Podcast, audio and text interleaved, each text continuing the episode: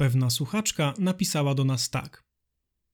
Drogi pastorze, w jednym z artykułów napisałeś kiedyś, że pastorzy powinni przewodzić w kultywowaniu kościelnego etosu, w którym drogie pogrzeby i wesela nie są normą. Jest to coś, nad czym wcześniej się nie zastanawiałam i za co naprawdę jestem wdzięczna. Dziękuję. Miałam nadzieję, że powiesz nieco więcej konkretnie na temat drogich wesel. Jak możemy zaplanować proste wesele, które wywyższa Chrystusa? Za chwilę zwrócę się do par z apelem o odwagę sprzeciwienia się panującej kulturze, ponieważ właśnie to będzie niezbędne. Ale zwracam się głównie do pastorów z apelem, aby podjęli inicjatywę w zakresie nauczania, głoszenia i próby budowania w Kościele kultury prostoty, która sprawia, że w centrum uroczystości małżeńskich znajduje się Pan Jezus, wywyższający Chrystusa znaczenie małżeństwa. Niezwykłe znaczenie przysięgi małżeńskiej to, jak cenni są ludzie, para młoda, a nie ubrania, kwiaty, lokalizacja, muzyka, cała ta produkcja, która może sprawić, że rzeczywiste działanie Boga w małżeństwie wydaje się być tylko jakąś inauguracją, po której ma nastąpić wielkie wytworne przyjęcie. To jest smutne. Ale oczywiście nie jest to atak skierowany na radość. Wręcz przeciwnie, jest to apel, aby pić z najgłębszych sadzawek radości, a nie z peryferyjnych kałuż szczęścia. Pobożni, ubodzy ludzie regularnie wykazują się większą radością niż ludzie bogaci. Nie ma żadnego powiązania pomiędzy czymś drogim i czymś radosnym. Żadnego. Chyba, że takie. Droższa rzecz oznacza więcej kłopotów, więcej stresu, więcej rozproszenia, mniej radości. To jest apel do przywódców, aby w kościele oczekiwać prostoty. Aby nikt, kto ma skromne środki, a jest wiele takich osób, nie czuł, że proste wesele z herbatą i orzeszkami, bez wytwornych posiłków, bez tańców, sama radość, w jakiś sposób mniej honorowało Boga i młodą parę. To jest prawdziwa tragedia, jeśli dopuściliśmy do takiej sytuacji. Co stoi za tym światopoglądem? Nasza słuchaczka pyta dlaczego. Kiedy Jezus przyszedł na świat, nastąpił decydujący zwrot w historii odkupienia.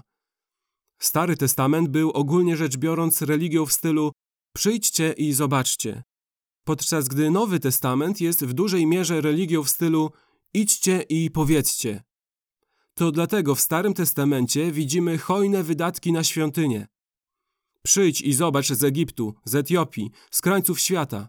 Przyjdź i zobacz tę drogą świątynię, którą zbudowaliśmy.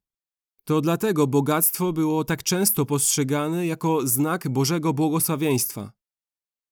Zmieniło się to radykalnie wraz z przyjściem Syna Człowieczego, który nie miał gdzie położyć głowy i który powiedział nam, abyśmy poszli ryzykować nasze życie, nauczając narody.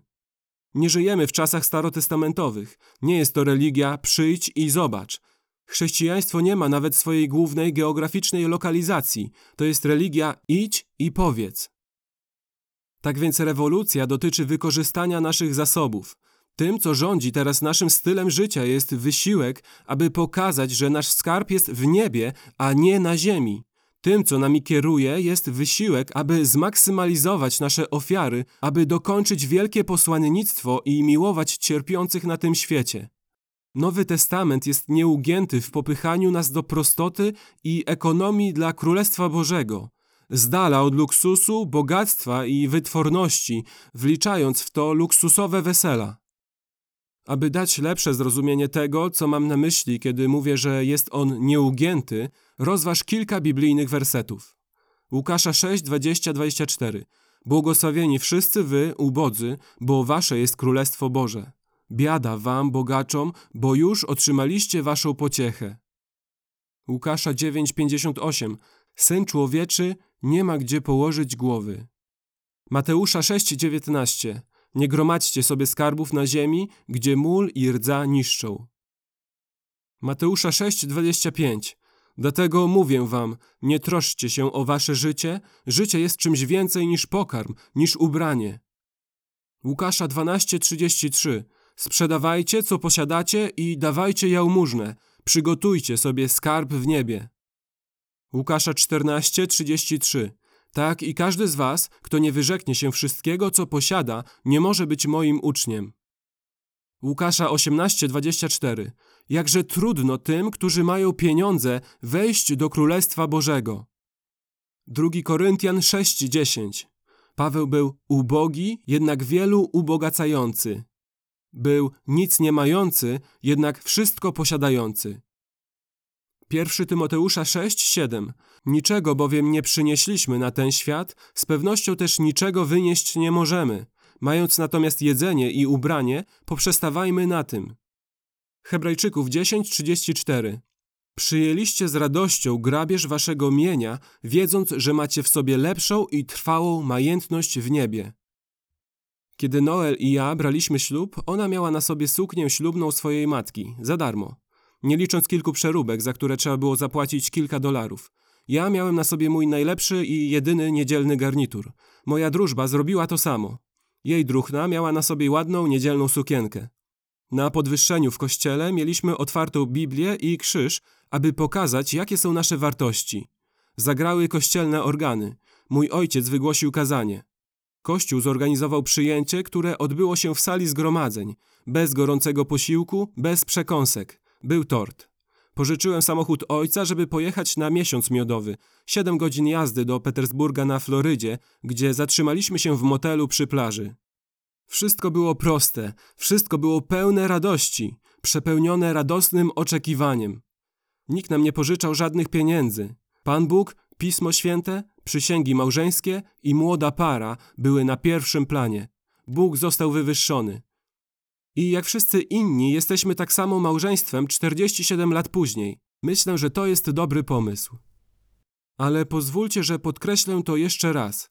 Istnieje miejsce na wyjątkowość. Posłuchajcie, jest miejsce na wyjątkowość. Wyjątkową sukienkę, wyjątkowe wydatki, wyjątkowe piękno w prostocie chrześcijańskiego życia. Jest miejsce na piękno. Ale to, co dzieje się obecnie w kościele ewangelicznym, wydaje mi się, że wymyka się spod kontroli i ktoś musi nacisnąć hamulec, więc apeluję w szczególności do pastorów. Niech nabożeństwo, Pismo Święte, przysięgi małżeńskie, Pan Bóg i miłość będą na pierwszym miejscu. Nie musi być gorącego dania po ślubie. Naprawdę, uwierzcie mi, nie musi.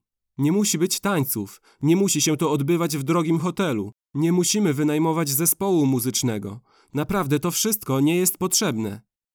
Oprócz pastorów, którzy prowadzą innych w tym temacie, potrzebujemy młodych ludzi, ugruntowanych i posiadających radykalną chrześcijańską odwagę, którzy przeciwstawią się kulturze i pokażą, jak może wyglądać prawda, piękno i radość przy jednej czwartej kosztów, jednej czwartej niepokojów i jednej czwartej stresu, a przy podwójnym skupieniu się na chwale Chrystusa i rozszerzaniu Jego Królestwa.